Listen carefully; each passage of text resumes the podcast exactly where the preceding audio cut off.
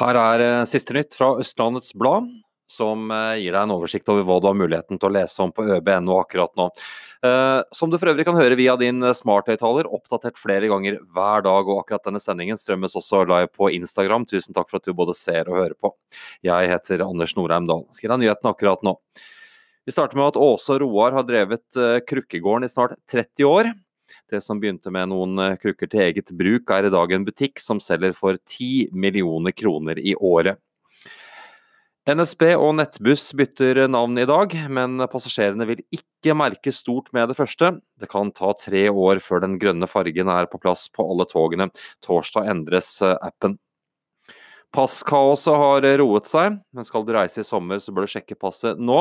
Det er mindre hektisk nå enn i vinter. Det kan nok se ut som at mange bestilte time da det var mest kaotisk, sier Mette Helstad i Øst politidistrikt i dag i et intervju i ØB. 14-åring ville ta sitt eget liv etter spredning av nakenbildet som deles fortsatt i sosiale medier. En 18 år gammel kvinne er dømt til 35 dagers betinget fengsel etter deling av nakenbilder i sosiale medier. Alt om rettssaken hos oss.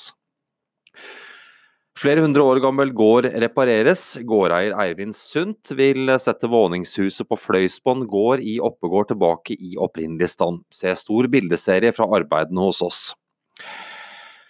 Foreldreaksjon mot skolegrensen i Vestby. Jeg kan få barn på to forskjellige skoler, sier mamma Tone Ervik La i et intervju hos oss. Mange vil få trøbbel i år med plenen. Vi gir deg de beste rådene i dag for eh, hvordan du kan redde den ødelagte plenen din. Russen fortviler over at de ikke har noe sted å være. Det er ingen steder i Follo vi er eh, velkommen, så da blir det mer kjøring rundt, sier de i et intervju med ØB.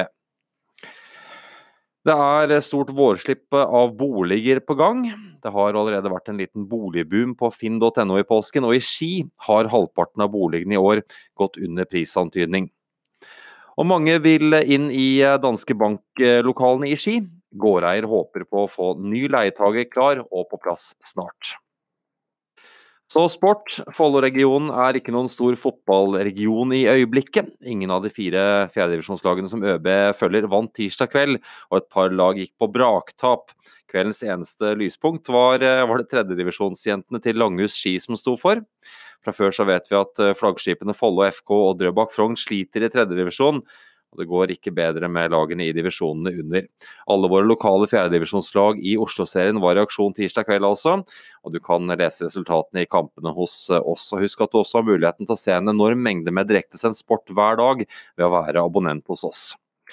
Med sport til slutt, Follo HK damer spiller den første kvalikkampen mot Jerpen i Skien i kveld. Den siste finpusten før de to opprykkskampene denne uken gjorde jentene unna de to siste dagene i påsken. ØB strømmer for øvrig kampen direkte klokken 18 blank i kveld på øb.no.